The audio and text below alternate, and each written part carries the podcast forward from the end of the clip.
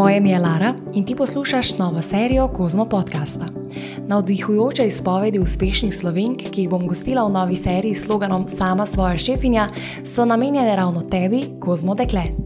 Na svete znanih slovenk boš odslej lahko poslušala, ko boš v svojem divjem ritmu plesala skozi življenje in iskala navdih, kako uresničiti svoje sanje. Zagotavljam ti, da bodo razmišljanja o uspehu prebudila šefinjo v tebi. Zelo sem vesela, da bomo prvo epizodo otvorili s prvo gostiteljico Kozmo podcasta, nekdanjo izvršno urednico revije Kozmopolitan in priljubljeno kolumnistko, ki je za revijo več kot šest let nizala uspešne kolumne. V prvi epizodi namreč gostim Ana Marijo Lukovac novinarko, scenaristko, urednico in popotnico. Pred kratkim je Ana Marija izdala zbirko Cvetenje, ki vsebuje njena premišljevanja o življenju. Išla je pri založbi Mladinska knjiga. Draga Ana Marija, lepo pozdravljena. Um, naj te za začetek vprašam, kako si danes preživela svoj dan. Živijo in e, lep pozdrav vsem kozmo poslušalcem. Je prav lepo biti spet v enem kozmo podkastu. Um, mislim, moji dnevi niso neki ful zanimivi zadnje čase, ampak danes zjutraj um, sem se uredila. Še šla v službo, ki sem jo danes odpravljala v, v svoji sobi, sem delala v doma. Uh, potem sem imela en sestanek, pa še en intervju, prišla novinarka do mene na kosilo Potem sem imela eno izobraževanje in evo, zdaj sem tukaj nekaj posebnega. No, jaz bi rekla, da je to zelo uspešen in produktiven, produktiven dan, um, definitivno zelo zanimiv. Serija Sama svoja šefinja slavi uspešne ženske. In ker si ti ena izmed njih, ti želim v uvodniku zastaviti vprašanje, ki ga bom postavila vsaki gosti. Kljub temu, da je uspeh zelo relativen in da na nos vsak gleda iz drugačnega zornega kota, me zanima, kaj zate pomeni biti uspešna. Um, po mojem je predvsem uspeh to, da živiš v skladu s tem, kar misliš, da si in s tem, kar verjameš, da so tvoja dejanja nekako odsev tvojih notranjih prepričanj. Je pa tudi definitivno uspeh to, um, da ti nekaj uspe, da ti rata neki rezultati, da tistega, kar se polotiš, uh, potem tudi dobiš neke pozitivne rezultate. Se mi zdi pa, da je ful pomembno, da uspeh gledamo vedno v nekem kontekstu. Ne? Da, um, recimo, jaz sem tudi, mislim, da v eni kolumni napisala, da se uspešno je tudi, ne vem, če pobiješ deset tisoč ljudi, ne? pa to ni nujno dobro. Ne? Tako da se mi zdi fajn, da se uspeh vedno gleda v kontekstu. A je dal to nek mm -hmm. pomen, a je to pozitiven um, odtis pustil na človeštvo oziroma da predvsem svoj vpliv uporabljaš za to, da delaš dobro. No. Verjetno ti tudi s tem, ko nekako. Um, si zadaš neke cilje in jih potem uresničiš, ti da to tudi krila za nove uspehe, podvige in vidiš, uh -huh. da mhm. ti v bistvu lahko uspe prav za res vse. Ja, meni se zdi, da je to definitivno res. Pravijo, da je velika mera uspeha skrita prav v majhnih navadah, ki jih počnemo vsak dan. To opisuje tudi James Clear v knjigi Atomske navade. Zanima me, za katere takšne navade pa si ti hvaležna, da si jih ponotranila. Uh mhm. -huh. Ja, definitivno je. Um, neka ta samodisciplina, pa organizacija časa, neke take fulmehne stvari, ki um, so mogoče malo mondene, pa dolgočasne, uh mhm. -huh. ampak brez njih dejansko nikamor ne moreš priti, uh -huh. pa ustrajnost. Um, in jaz to se mi zdi, da sem krmila in da sem predvsem tudi temu zaslužila, da sem, so mi ene stvari v življenju uspele. Um, mogoče tudi moja lastnost, da nisem pretirano samokritična. Um, ker se mi zdi, da veliko ljudi s to lastno samokritiko um, prej bojkotira uh, sebe, kot da uh, si vdovoli, da se mu nekaj lepe torej, zgodi. Ja. Zelo pomembna lastnost je tudi, da nismo preveč samokritični, ja. ampak da si pustimo živeti. Ja, tako, da probaš uh -huh. pač in da če, če ne probaš, pač ti tudi ne more uspeti. No. Ravno zadnjič sem v bistvu gledala um, en posnetek na YouTubu in um, zelo me je prepričalo to, ko je en rekel, da se največ življenja zgodi v tem, ko nekaj storimo. Tu, če je to narobe, tu, če um, res um, ga hudo polomimo, uh mhm. -huh. je še vse boljš kot pa to, da recimo sedimo doma, ležimo na kavču v svoji postelji ali karkoli in gledamo na svet iz neke cone obdobja. Uh mhm. -huh. In takrat, ko nekaj um, storimo, tu, če je to mogoče malo zgrešeno, yeah. Ja. naredimo največ. Yeah. Ne smete biti preveč strah, kaj si bodo drugi mislili, ali pa kaj pa če mi je rata. Mislim, na koncu ti ne bo rata, ker ne boš porobo. Uh mhm, -huh, točno to. Vedno bolj prihaja v spredje tudi ideja, da potrebujemo za produktivno in kvalitetno delo tudi dovolj časa za počitek in za stvari, ki so nam še posebej pri srcu. Uh mhm. -huh. Prisegaš na to, da si vsak dan privoščiš trenutke, ki jih imaš le zase in si povsem prisotna v njih, um, kljub zunanjemu dogajanju in kakšne trenutke se ti privoščiš. Ja, meni je to rado zelo pomembno, ker um, sem ko sem včasih delala več stvari hkrati, sploh pač imela sem projektno delo, pa freelancerstvo, kar ima full prednosti in je super in full svobode, ampak hkrati sem si pa nalagala ogromno enih dožnosti. In potem tudi, kadar sem imela prosti čas, je v bistvu tista slaba vez, da ne delam nekaj drugega, pa nisem mhm. dosti produktivna, v bistvu uničevala ta prosti čas. Tako da sem zdaj v bistvu nekam obdobju, ki po mojem bo trajalo kakšno leto, ker pač probam reči ne vsem pač priložnostim, zato da si res lahko vzamem čas zase. In tudi zato, da ko pridem domov iz službe, dejansko ne delam nič, kar je povezano s službo ali pa z nekim kariernim uspehom, recimo isto vikende se recimo fraj vzamem. Uh, pa ne nujno, da delam karkoli bolj produktivnega, ampak tako, včasih pač res vržem. Dan stran, v narekovajih, pač ja, to je moj problem, ker se, če ne delam nič, si rečem, da vržem stran čas, ampak probujem trenutno nekako se sprijazniti s tem, da lahko tudi delaš več. Pravijo, da včasih je mogoče tudi najbolj produktivno to, da vržeš čas stran. Ja, ja. Da čisto odklopiš vse ostalo in preprosto si. Ja, tako je. Kako se sama najbolj sprostiš? Um, Meni sprostitev predstavlja, vedno so mi potovanja predstavljala sprostitev, ki jih zdaj v zadnjem času že kar, um, jih, sem jih kar lačna. No. Um, uh -huh. Pa tako, no, razne neke manjše recimo, rada pospravljam. To, to je tak, ampak zato, ker nekako grem iz tega mentalnega, ker jaz veliko delam tako mentalno, pač vse v možganjih, uh mhm. -huh. v nek fizičen. Svet. svet ja. um, tudi neko to čisto skrb zase, pa neka lepotičenje v narekovajih me ful sprošča. Ja. Pa definitivno, ker sem z ljudmi, takrat res odklopam vse, vse drugo, ker sem pač dejansko v odnosu ali pa um, v naravi. Tako, tako je mhm. zelo navadne. Stvari. Torej, prisegaš na to, da recimo, ko greš na pijačo, daš stran telefon. Mm -hmm. Ne, ja, slikaš. Ja, ne, jaz, jaz, poh, jaz, kadar sem z ljudmi, pozabim na telefon in pol me to včasih tepe, ker sem kratko oh, fulenih eh, neodgovorjenih klicev in tako, ampak ne, ja, ampak, ne morem. Ja, ne sej, bolj spodbudno je to, da um, se takrat res posvetiš tismu, mm ki je s mhm. tabo. Ja, in, ja. Ja. Mislim, da je včasih telefon prisoten, sploh, ko moš komu nekaj pokazati. Kaj, ampak tako probujem, da se jih ne ukvarjam z njim, medtem ko sem z nekom drugim. Uh -huh.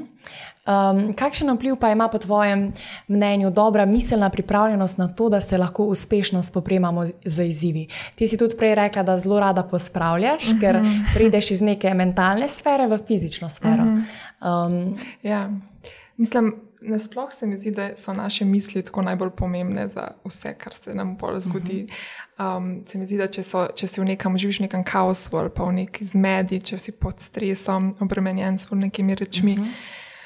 Pač bo tudi tvoje življenje takšno. Ja, se vse dogaja na tak način, da ja, bo še bolj stresno. Ja, ja, ja. Tako konec koncev se mi zdi, da so misli naša edina realnost. Pač mi, mi smo naše misli in če imamo uh mhm. -huh. negativne misli ali pa ne pošlihtane ali pa če nas stvari težijo, pač bo se to cevel na našem življenju. To je prav, mogoče malo ta manifestacija, malo verjamemo v to, kar uh mhm. -huh. misliš, da se ti zgodi. Zakon privlačnosti. Ja, ja mislim, da je tako.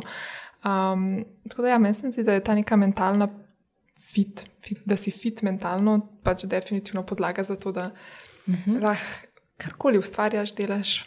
Neka svoboda v mislih se mi zdi tudi uh -huh. ful pomembna, uh -huh. da si lahko kreativen, da si pa tako nekako samozavesten, sproščen. In to vse pol vpliva na uspeh, uh -huh. oziroma uh -huh. na. Ja, na kak način pa ti skrbiš za to, da si uh, mentalno fit, kot si sama rekla? Ja. ne skrbim za dost, ampak um, hm, s tem, ne, da skušam ne biti preveč pod pritiskom, uh, da se ne vzemam stvari preveč k srcu, uh, da se odklopim. Um, tudi kako bi rekla, pisanje je bilo meni uh mhm. -huh. ful en tak uh, ventil, uh mhm. -huh. da si stvari pospredalčkam. Po, po Zdaj so recimo ful priljubljeni ti dnevniki hvaležnosti, uh mhm. -huh. beleženje svojih misli.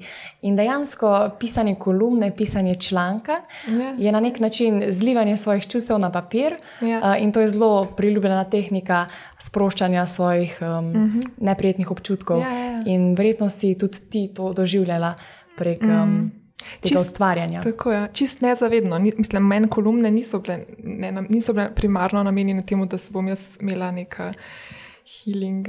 Pač služba, ki je čist po nesreči postala tudi moj dnevnik in posledično nekaj moja mm, tako, zavetje za mentalno rast ali pa obdobje. Tako malo sem si s tem uh mhm, -huh, usmislila. Uh -huh. Primarno je verjetno bilo to ustvarjanje, pa ja, neka ja. kreativnost, ki si jo želela predati svetu, mm. -huh. um, sekundarnega pomena pa seveda tudi to. Tako je, da si čist mimo grede. Ja. Uh -huh.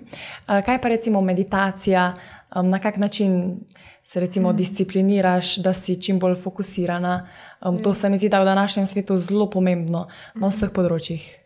Jaz um, mislim, da ima meditacija veliko vlogo za takšen, ampak uh, sama se ne poslužujem, ker se je mal bojim, uh, ker sem zelo tako. Imáš rada nadzor. Ja, in jaz mene te meditacije, to sproščanje mene ponovadi dela še bolj živčno. Poleg tega pa si predvsej predstavljam, kaj je v zadnji za meditacijo in predvsej verjamem temu, kaj je zadnji in se ni še nekako še ne upam čistja. Uh -huh. Um, ne veš, da pošiljaš prave misli med meditacijo, ker ja. lahko zelo daleč ja. pripelje. Slišala sem za veliko izkušenj, ki so šle zelo v neke transcendentalne smeri.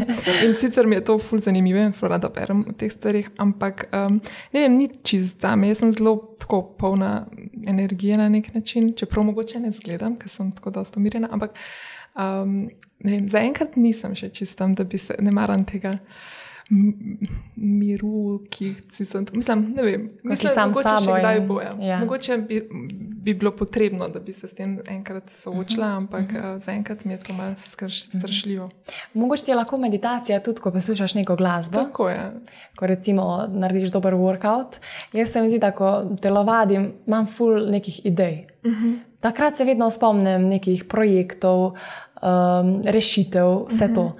In po, po mojem mnenju je zelo pomembno, da iščemo svoj um, tip meditacije. Ja. -huh. Vsak ima, po mojem, ja, svoje, tudi, ni samo tisto omne meditacije. Ja, meditacija ja. je to, kar si rekla, lahko poslušanje glasbe. Meni je meditacija bila včasih tako, vem, vožnja z vlakom ali pa z letalom, pa samo strmenje čez okno, pa mi je -huh. bilo to. Tako takrat sem največ vse odkrila, tudi e, tako, kot ti praviš, ideje so takrat kaplale ali pa kadar glasbo poslušam. Ja. Tako, res je. Torej, da prebudi nek fokus v tebi in uh -huh. da mhm. v tistem trenutku najdeš rešitev na vsako tvoje vprašanje. Ja. Mogoče tudi pisanje. Ja, Sigurno je. Uh -huh. um, sama si, kot praviš, kolumne pisala zato, da si se spopadla s svojimi stiskami in si odgovorila na vprašanja, ki so se ti nenehno postavljala. Uh -huh. Prej sva govorili o dobri miselni pripravljenosti in ugotovili, da vpliva na to, eh, kako dobro se bomo odrezali v izzivu, ki je pred nami. Po drugi strani pa se lahko verjetno strinjava, da se najbolj osebnostno preoblikuješ takrat, ko ne gre vse po planu. Uh -huh. Tudi ti si verjetno um, skozi te kolumne rasla in mogoče celo cvetela cvetela. Uh mhm. -huh. Kaj bi kot avtorica knjige Cvetenje povedala o tem procesu cvetenja, osebnostni rasti in pa neprijetnih trenutkih, mogoče celo obdobjih? Uh mhm. -huh. Ja, um, jaz sem tekom teh v bistvu sedmih let pisanja kolumen res odrasla. Tako, bilo je to neko obdobje. Ko se vsi odrastemo, pač med 19 in potem zdaj sem 27, oziroma takrat je bilo 26, ko sem zadnjo napisala. Um, sem šla res iz tega obdobja dekleta v obdobje neke mlade ženske. Recimo. Tako da sem hotla ne pač mogla odrasti. Um, kolumne so bile pa v bistvu samo spremljevalo na, tem, na tej poti. Jaz sem si beležila stvari, um, ki so se mi dogajale, in se mi zdi, da potem se tudi so se stvari bolj usmišljile, lažje je bilo slediti dogodkom. V bistvu celo mogoče graditi neka mnenja, ki se jih je bilo treba zgraditi v tem obdobju. Uh, je bilo enih pozitivnih uh, obdobij, pa tudi neke negativne izkušnje, in se verjetno tudi tekom branja kolumen da občutiti, kdaj je bilo kje kaj.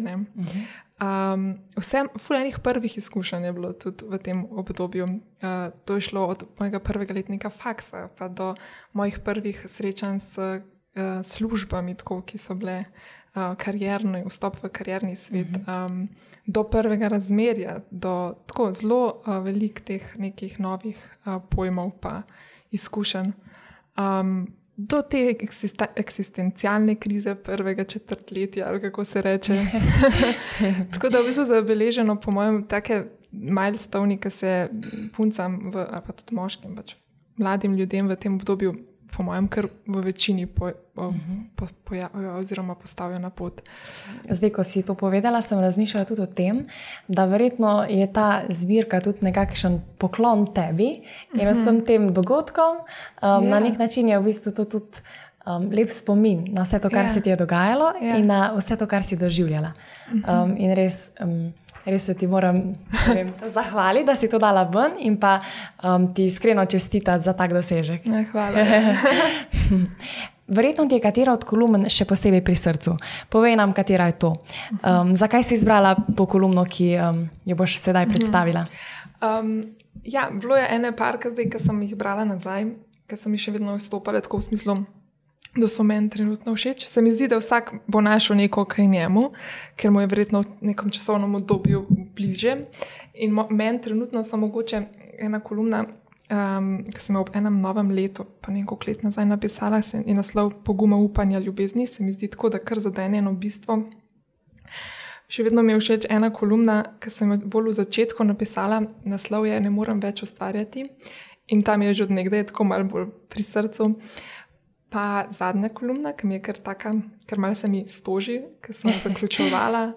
Um, mogoče tudi bi izpostavila um, to, kar sem v bistvu je v, v zbirki, so kolumne, ki so bile objavljene v Kozmopolitanu in potem še pet novih. In ta ena izmed novih je uh, z naslovom Leto pandemije, ki se mi zdi čist drugačna. Tako uh, prav začuti se tam spremembo v svetu, po mojem. No, tako, uh mhm. -huh. Mogoče ne sodi čist med moje ostale kolumne, ampak mi je jih zato trenutno posebna. posebna ja. Se mi pa zdi, da bo vsak našel, po mojem, čist, če zdaj le recimo te priporočim, pa nekdo ni v tem obdobju, ki bi mu bile takšne kolumne blizu, bo, ne bo videl nič posebnega v njih. Jaz pa uh mhm. -huh. mogoče na enih več ne vidim, ki bi pa nekomu. Zdaj izbudile neko uh mhm. -huh. zanimanje. Tako da uh -huh. mi je zanimivo to, da po mojem vsak najde lahko uh -huh. kakšno. Mogoče, če lahko predstaviš katero od teh. Uh -huh. Jo, se ne vem točno. Recimo ta prva, ki sem jo izpostavila. Um, v bistvu gre o tem, da uh, eno novo leto se mi je zdelo tako, da so vse želje, ki sem jih slišala tako izrabljene in tako brez veze. Mhm. In se mi zdi, pa zakaj si mi sploh voščimo za ne vem, novo leto, rojstni dan, če vsi rečemo eno in isto in to v bistvu nič ne pomeni, ker gre čez eno uho not, pa drugo ven. Oh, pa dobra tako... ideja. Jaz vedno ja. razmišljam, meni vsakeč, ko nekomu voščim rojstni dan, se mi zdi, da je to ful ena velika naloga pred mano. Ja, ja. Zaradi tega, ker nočem napisati vse najboljše, ampak mu želim res voščiti to, kar mu iz srca želim. Ja, in vse je. najboljše je zelo um, tako. Tako zlajnen. Ja. Ja. Lepo, da se referent. spomniš. Tako spomnil sem se na te, v bistvu samo pomeni na nek način ja. na tvoj dan. Ja. Ampak ja, no, se mi zdi, da kaj bi bilo tisto, kar želim ljudem voščiti. Mi pa nekaj mogoče univerzalnega, nekaj ponovadi za vsako prijateljico lahko nekaj svojega daš, ali pa za mami, za oče, nekaj drugega. In tako, kaj je tisto, kar pa res želim vsem ljudem in bi lahko voščila tako komorkoli, ki ga ne poznam, pa da še vedno ima nek pomen. In potem je v bistvu kolumna o tem, da predvsem želim poguma, upanja, pa ljubezni, ker so to bolj urodja in ne neko stanje. Ker uh mhm. -huh. življenje gre v vse smeri, lahko je dobro, ampak včasih je tudi slabo.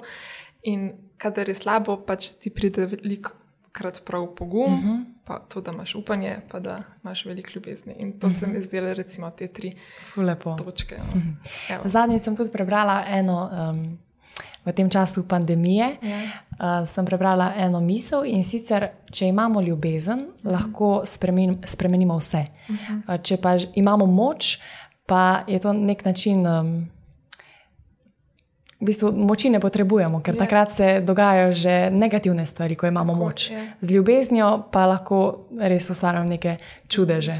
Uh -huh. um, torej, te vrednote, pogum, uh mhm. -huh. ljubezen in upanje. Aha, ja. Ja oziroma neka vera, tudi mogoče, da se da, da um, vse zataji, da imaš vedno tisto upanje, da bo boljš, ne? da ne mhm. se ne vdaš. Točno to. In ja. pa prideš že ven, potem so, gre to slabo obdobje stran in si v tistem lepem obdobju spet. Da, uh mhm. -huh. ja, uh -huh. In sama si tudi ponotranila te vrednote in jih imaš v sebi, da si ja. vedno pogumna. Ja, nisem da vedno, vedno upaš. Nisem, nisem, ampak včasih se spomnim na te stvari in sem tako pač vem, da deluje. Tako imam mhm. -huh. izkušnje, da deluje, in potem, če imaš enkrat izkušnjo, se mi zdi, da je drugič spet uh, lažje, če veš, uh -huh. da mhm. it's gonna work ja, out in the end. ja, se strinjam. Kaj bi svetovala vsem tistim, ki si želijo izdati knjigo? Um, mislim, da je to kar težka naloga, drugače. Um, jaz sem imela veliko sreče, um, sploh pa nas v Sloveniji.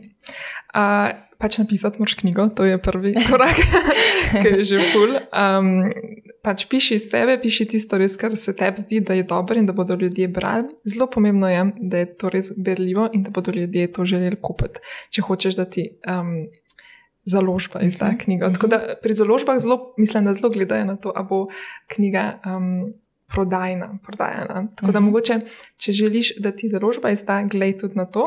Uh, če pa bi res rad pisal čisto, kar ti um, srce govori, pa mogoče razmišljati tudi o samo založbi ali pa o zdaj fulejnih možnosti na spletu prek Amazona lahko izdaš knjigo. Tako da možnosti je dan danes velik, uh, pa tudi recimo e-knjige, se ni treba, da je vedno da je trda vezava.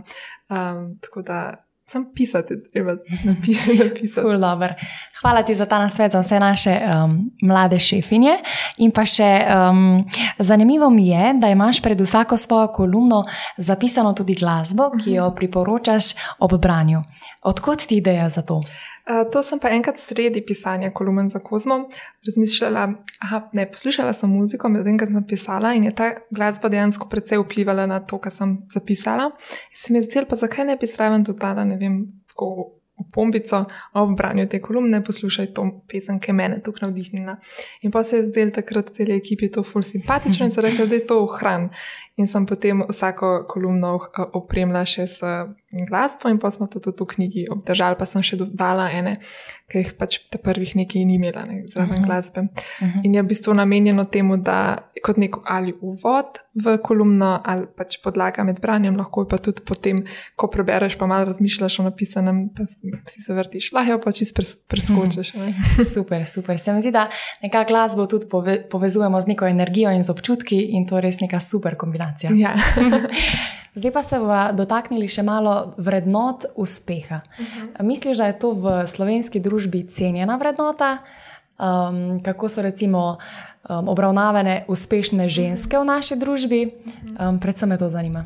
Meni se zdi, da je v Sloveniji in sploh v 21. stoletju to ena najbolj cenjenih vrednot. Uh mhm. -huh. Pa mogoče ne vedno iz nekega najboljšega razloga. Ne. Se mi uh -huh. zdi, mhm. da hitro kaj nekdo govori o komu, s kom je bil ali pa ki ga pozna, hitro doda zraven imena, še njegov naziv, direktor tega, zdravnik. Avt, pisatelj, whatever. ker nam je res pomembno, da se malo bahamo s temi uspehi, ja, mhm. temi nekimi tipičnimi smisli uspeha, kaj uh -huh. nam je recimo, v karieri uspelo. Um, in um, se mi tudi zdi, da včasih tako iz izkušenj se mi zdi, da pogosto ljudje, ki so na teh pozicijah, ki jim določamo, da um, so uspešni, ki so v naših očeh uspešni, pa niso vedno tam iz razlogov, zaradi katerih bi mi mogli njih to mhm. hvaliti. Ja. Se mi zdi, da ne moreš na večino pozicij v smislu uh, poslovnih ali pa političnih. Ne moreš priti, ne da bi šel čez sebe ali pa da bi šel uh mhm. -huh. čez trupla na nek način. Uh. -huh. To je, se mi zdi, res res velik primer. Tako da se mi zdi, da tako čestit uspeh, kar, kot sem že prej govorila, ker tako pač po spisku ni tako. Um, pozitivno. Si rekla, kakšen je odnos do um, uspešnih žensk, se mi pa tudi zdi, da mogoče imamo malo večji prosodek do uspešnih žensk, kot uh -huh. do mhm. uspešnih ja, moških. Se strinjam in ravno zaradi tega sem postavila tudi vprašanje. Ja. Um, imaš tudi eno kolumno in sicer, zakaj ne želiš biti fe feministka? Uh. Uh -huh. Mogoče, če v tej kolumni kaj povezano s tem vprašanjem. Uh -huh. Ja, mislim, tako, se mi zdi, da uspešne ženske imajo negativno konotacijo, zato ker imajo neke moške lastnosti, uh -huh. oziroma lastnosti, ki jih povezujemo z moškimi. In nam kar nekako ni všeč, da ima to lastnost ženska, ker je to uh -huh. rezervirano za moške. V uniji kolumni pa tako, no, predvsem ne, da nisem feministka. No, mislim, ne, ne bom se oklicala za feministko, ker, um, iz razloga, ker se mi zdi, da danes v teh ideologijah en kup enih uh, predpostavk. Če bom si rekla, da sem feministka, bo zraven prišlo tisoč mnen, s katerimi se potem jaz kar nekaj strinjam. Ja. Ja. Pa ni nujno, jaz lahko strinjam z enim delom feminizma, pa se z nekim malim delom ne strinjam. Ne? In se ne želim reči feministka, ker se ne želim podpisati pod vse uh -huh. njihove recimo, uh mhm. -huh. točke in uh -huh. tako mhm. na ta način. Uh no. -huh. In misliš, da ženske, uspešne ženske, eh, da imajo res moško konotacijo ali so lahko res ženstvene in nežne in tople, ja. ali če hočejo biti neke vodje, šefinje, morajo biti mal. Um... Ne, jaz mislim, da najboljše, najbolj uspešne ženske so tiste, ki negujejo to svojo žensko. Uh -huh. Da tu včasih bi moški in kažna ta ženstvena lastnost prav prišla. Um, jih je pa veliko, verjetno, ki so take, da. Um, pač grejo, da sledijo nekim idealom, ki so jih videli pred moškimi in mislijo, da pač to deluje in mogoče na koncu tudi deluje. Ampak ne vem, kaj še posled, od tistih pol to pušča na ljudeh, ki uh, so mogoče. Pod njimi ali pa jim uh -huh, morajo slediti. Uh -huh. no. Mogoče da se še dotaknemo tega um, zunanjega vidika uspeha, ki smo ga že prej načeli. Uh -huh. In sicer, da veliko ljudi se uspeha loteva z vidika, da bodo lahko to pokazali svetu. Uh -huh, uh -huh. In Zanima me, če je po tvojem mnenju to potem sploh za res pravi uspeh. Um, ja, ne vem. Jaz mislim, da če oni se počutijo dobro na koncu, če so, si, če so dobili rezultat, ki so ga želeli, polja. Ampak mislim, da če se na koncu počutiš slabši ali pa nezadovoljeno, uh, Pol pa ne. Pogosto se mi zdi, da je z uspehom tako, da dobiš en uspeh, pa pa, hoč, pa, pa hočeš več, pa uh mhm. -huh. hočeš več. In ti je ta premalo. Ja, uh -huh. In ti nikoli ni zadost. In potem, če, si, če, če ti iščeš uspeh za to, da boš uspešen, pač ne boš nikoli uspešen, ker, ni, ker um, ne boš nikoli prišel do tistega finalnega uh mhm. -huh. uspeha, ker bo vedno nov. Uh mhm. -huh. Verjetno je to podobno kot srečo. Ja, verjetno je. Ja. Uh -huh. Če boš iskal vedno neke razloge in neke ja. velike cilje do tega, da prideš do sreče, mm. pač je na poti verjetno ne bo. Ja. Mhm. um, skozi pisanje kolumn in ustvarjanje zbirke Cvetenje si samo osvajala številne življenjske lekcije, in zato me zanima, katera od teh je bila najtežja, a hkrati najlepša. Ena življenjska lekcija, ki sem jo spoznala medtem, ko sem napisala kolumno, po mojem, sem jo takrat prvič tako napolno ozavestila. Se mi zdi, da mi reši milijon težav, sem hkrati jo pa težko sprejmem in ponotranjem je uh, ta lekcija, da moraš biti v življenju nenavezan na vse. Če, želi, če želiš, da ti ni težko, oziroma če želiš. Um, da te ni strah. Pa se mogoče ni cilj, da nam ni težko, pa mogoče ni da cilj, da nas ni strah, ampak ta nenavezanost je bila ena takih hujših lekcij, se mi zdi.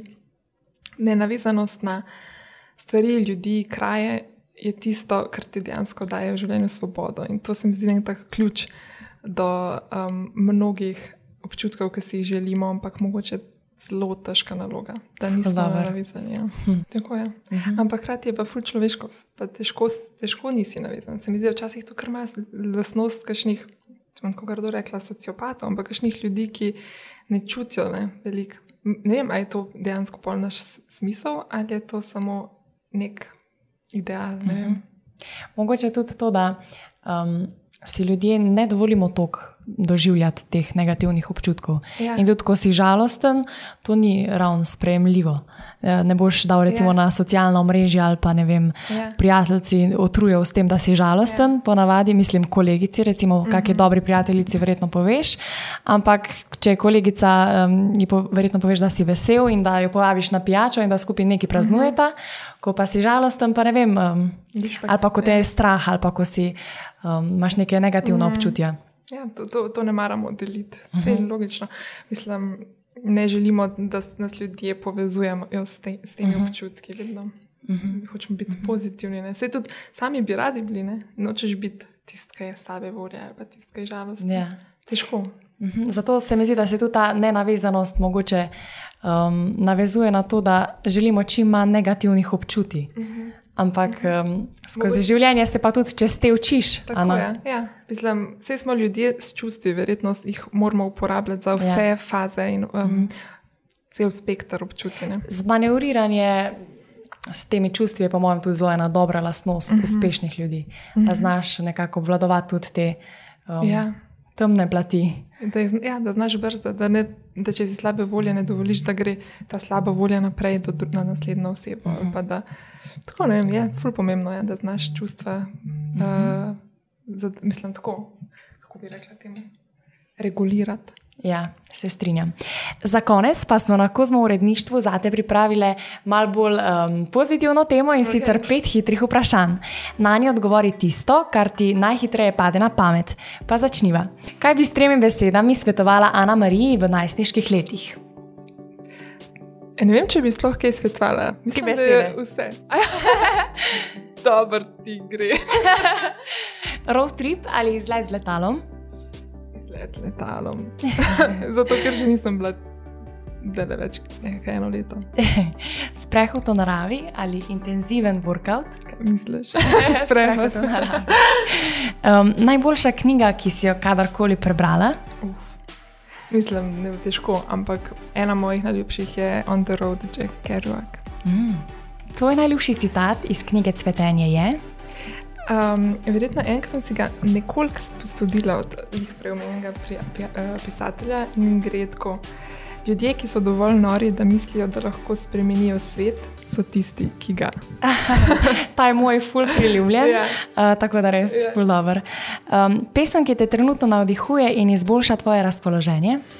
Mm, trenutno ful rada poslušam uh, enega angliškega pevca po imenu Tom Rosen, Rosenthal uh, in njegovo pesem If we all die tomorrow, ful je um, tako hecna, ampak ful pozitivna in tako brezkrbna. In Super. Najlepša hvala, Ana Marija, za vsa ta tvoja mm, razmišljanja in pa na svete. Um, res sem vesela, da si bila danes z nami in pa da si tudi kozmo dekletom uh, predala vse te svoje izkušnje in pa doživljanja. Hvala tebi, Lara. Adijo. Ciao.